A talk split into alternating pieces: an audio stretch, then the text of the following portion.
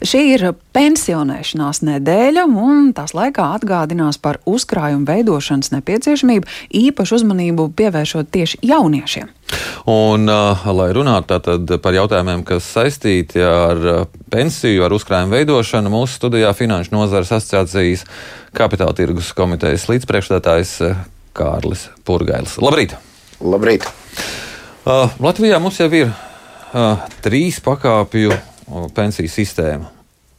Turklāt tāda, kas eh, daudzkārt ir saņēmusi komplimentus par darbošanās spēju, par, par tiem rezultātiem, ko var sasniegt. Nu, līdz ar to, kāpēc tad atkal jāatgādina par krāšanas nepieciešamību? Un pa papildus krāšanu. Jā. Jā, Latvijā pareizi minējāt, ir trīs pakāpju pensiju sistēma, kur pirmā divi uh, līmeņi tiek veidoti no mūsu sociālajām iemaksām. Principā automātiski saņemot darba algu, tiek uh, novirzīti līdz 20% šiem uzkrājumiem pirmajā un otrajā pensiju līmenī. Taču kā minējām, sistēma ir veidota uz trīs līmeņu principu, kur trešais līmenis ir brīvprātīgs. Un, diemžēl šobrīd redzam, ka iedzīvotāji trešajā līmenī ne tik aktīvi veido savus uzkrājumus, kā, kā, kā tam vajadzētu būt. Protams, daudzi argumentē, ka viņi veido savus uzkrājumus citā, citā veidā, ne pensiju fondos, kas arī ir apsveicami. Taču, jā, analizējot datus, mēs redzam, ka šie uzkrājumi pamatā tiek veidot kā noguldījumi bankās, pa kuriem pēdējos nu, desmit gadus nekāds procentu ienākums vai, vai naudas vairošana no šiem uzkrājumiem iedzīvotāji nesaņēma. Kā rezultātā iedzīvotāji zaudējuši šo iespēju vairot šos uzkrājumus bankās un, un, un principā lieguši sev iespēju beigās pirms pensionēšanās saņemt lielāku kopējo uzkrājumu un lielāku kopējo labklājību. Bet, nu, kāds ir tas līdzsvars? Vai nepietiek ar to pirmo un otro līmeni, lai kaut nedaudz sev iekrātu vecumdienām pensiju, vai tik daudz ir jāpaļaujas uz trešo, uz to, kas pašam jādara? Uh -huh.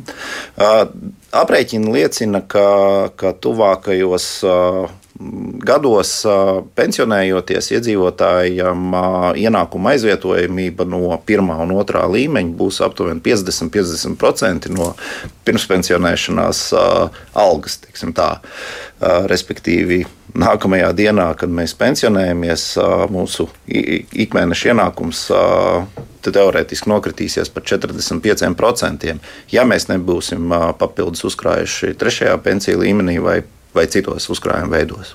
Tad jau tā pensiju sistēma varbūt nav nemaz tik laba, varbūt tā ir jāmaina. Uh, Pensiju sistēma, jūs pareizi minējāt, kopumā starptautiski tiek novērtēta diezgan uh, pozitīvi. Un, un, un principā, jā, ja, ja tiek izmantota, uh, izmantots viss pensiju sistēmas potenciāls, respektīvi visi trīs pensiju līmeņi, tad uh, šis uh, ienākuma aizvietojamības koeficients jau būs daudz lielāks un tuvu tuvu tam, ka kāda ienākuma mums būs darbspējīgā vecumā pirms pensionēšanās. Līdz ar to nu, jāsaka, ka mēs uzskatām, un daudzi startautiskie eksperti uzskata, ka, ka Latvijā pensiju sistēma izveidotā ir laba. Protams, pēdējos gados un, un arī turpinām strādāt pie tā, lai pilnveidot dažādas nianses un aspektus, lai šī sistēma kļūtu vēl tā, ilgspējīgāka un iedzīvotājiem izdevīgāk. Bet par kādu uzkrāšanu tad būtu jādomā? Par to uzkrāšanu trešajā pensiju līmenī vai kaut kur citur? Jo tieši tagad pensiju fondi ir mīnusos. Uh, jā, šis gads uh, finanšu tirgos uh, ir diezgan, diezgan skarbs. Uh, praktiski visas aktīvu klases ir piedzīvojušas vērtības kritumu. Un, tas pamatā saistīts ar, ar, ar globālo ekonomiku, globālo inflāciju un gaidām par to, ka nākamajā gadā liel, lielos pasaules reģionos varētu iestāties recesija.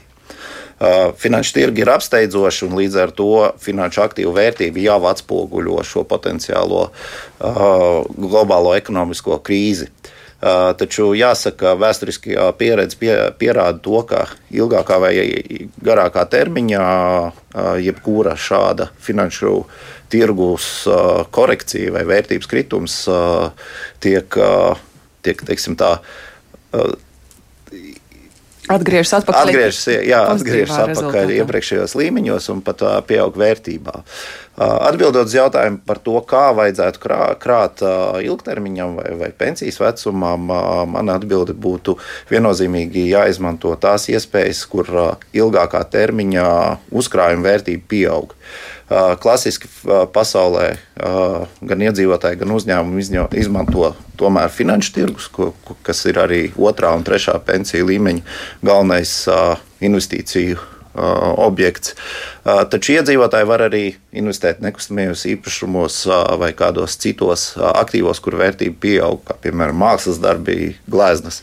Taču šādas, šādi ieguldījumi saistīti ar, ar savām niansēm, nepieciešams lielākas summas, nepieciešams liels darbs pie tā, lai pārvaldītu šādu uzkrājumu. Ko šobrīd ar šiem mūsu klausītāji domā, kāda vēl uzkrājuma veidošana, ja daļa jau savus uzkrājumus sāk tērēt, lai vienkārši samaksātu komunālos rēķinus? Jā, šobrīd uh, piedzīvojam uh, ļoti augstu inflāciju, un, un, un uh, droši vien mēs arī personīgi izjūtam izdevumu pieaugumu diezgan krasi. Taču nu, jā, es uzskatu, ka tik un tā jāmeklē veidi, kā kaut nedaudz, bet atlikt. Bet kā pārliecināt cilvēkus, ka šobrīd vajag to darīt, lai arī nu, ir šīs grūtības ar rēķiniem? Droši vien pārliecināt katru individu ir diezgan grūti. Ir, ir jāskatās katram pašam uz savu situāciju. Un, jūs pieminējāt jauniešus. Es uzskatu, ka jo jauniešiem jo īpaši vajadzētu sākt agrā, agrā savā ekonomiski aktīvajā posmā atlikt, jo jo ilgāks termiņš tev līdz pensionēšanās, jo mazākas summas tu vari atlikt, lai tev jēgpilns uzkrājums uh, beigās sanāktu. Respektīvi, ja man ir 25 gadi, man atlikt 20, 30 eiro būtu daudz jēgpilnāk nekā 55 gados atlikt 50, 100 eiro. Jo, jo tas termiņš, pa kuru es varu pagūt, uh, izveidot uzkrājumu jēgpilnu, ir diezgan īss. Jā, ja šobrīd iegūda pensijas fondos, kas ir nokrituši, tad eh, tas pieaugums būs ievērojams. Jā, šobrīd patiesībā skatoties uz finanšu tirgiem, ir, eh, ir eh, ļoti labvēlīga situācija uzkrājējiem un sagaidāmais ienesīgums jaunajām investīcijām ir ļoti augsts. Principā varētu teikt, ka pēdējos 15 gados ši, ši, šādi uh, līmeņa ienesīgumus uh, mēs nevarējām redzēt. Uh, šobrīd pat aizdot attīstīto valstu centrālajām valdībām uz pieciem gadiem ir, ir diezgan liels sagaidāmais ienesīgums, kā rezultātā var apgalvot, ka tie cilvēki, kas šobrīd sāk krāt, tie ir ļoti labā pozīcijā, lai savu uzkrājumu diezgan strauji vairotu. Bet nu, Ir kādi ierosinājumi, kas varbūt varētu mūsu pensiju krāšanas sistēmu padarīt cilvēkiem vēl pievilcīgāku? Nu, viens bija mantot, bija Igaunijas eksperiments ar iespēju izņemt uzkrājumus priekšlaikus. Nu, Igaunijas eksperiments pa, par izņemšanu beigās izvērtās diezgan neveiksmīgs, jo liela daļa no naudas tika izņemta un iztērēta patēriņā, kā rezultātā akcelerējās gan inflācija, gan arī šie cilvēki liedza sev, sev iespēju izmantot šos uzkrājumus nākotnē, respektīvi iztērējot tos šodien. Bet, Kā jau minēju, pēdējos gados ir ļoti daudzas, daudzas izmaiņas bijušas tieši otrā pensiju līmeņa pārvaldīšanas regulējumā, lai padarītu sistēmu ar, ar vien uh, ilgspējīgāku. Un mēs turpinām gan asociācija, gan industrijas pārstāvji diskutēt ar, ar valsts tiksim, tā, lēmumu pieņēmējiem par, par, par dažādām dažādiem uzlabojumiem. Viens no uzlabojumiem, ko mēs rosinām izskatīt, ir rast iespēju neizņemt otrā pensiju līmeņa uzkrājumu brīdī, kad cilvēks piesakās vecuma pensijai, bet turpina strādāt. Ļaut šim uzkrājumam tur, turpināt vairoties un izmantot to tikai tajā brīdī, kad, kad nu jau pensionējies strādājošais cilvēks aiziet atpūtā. Mēs teiksim paldies jums par šo sarunu šajā rītā. Atgādinu, ka mūsu studijā bija Finanšu nozares asociācijas kapitāla tirgus komitejas līdzpriekšsēdētājs Kārlis Purgēls. Paldies! paldies. paldies.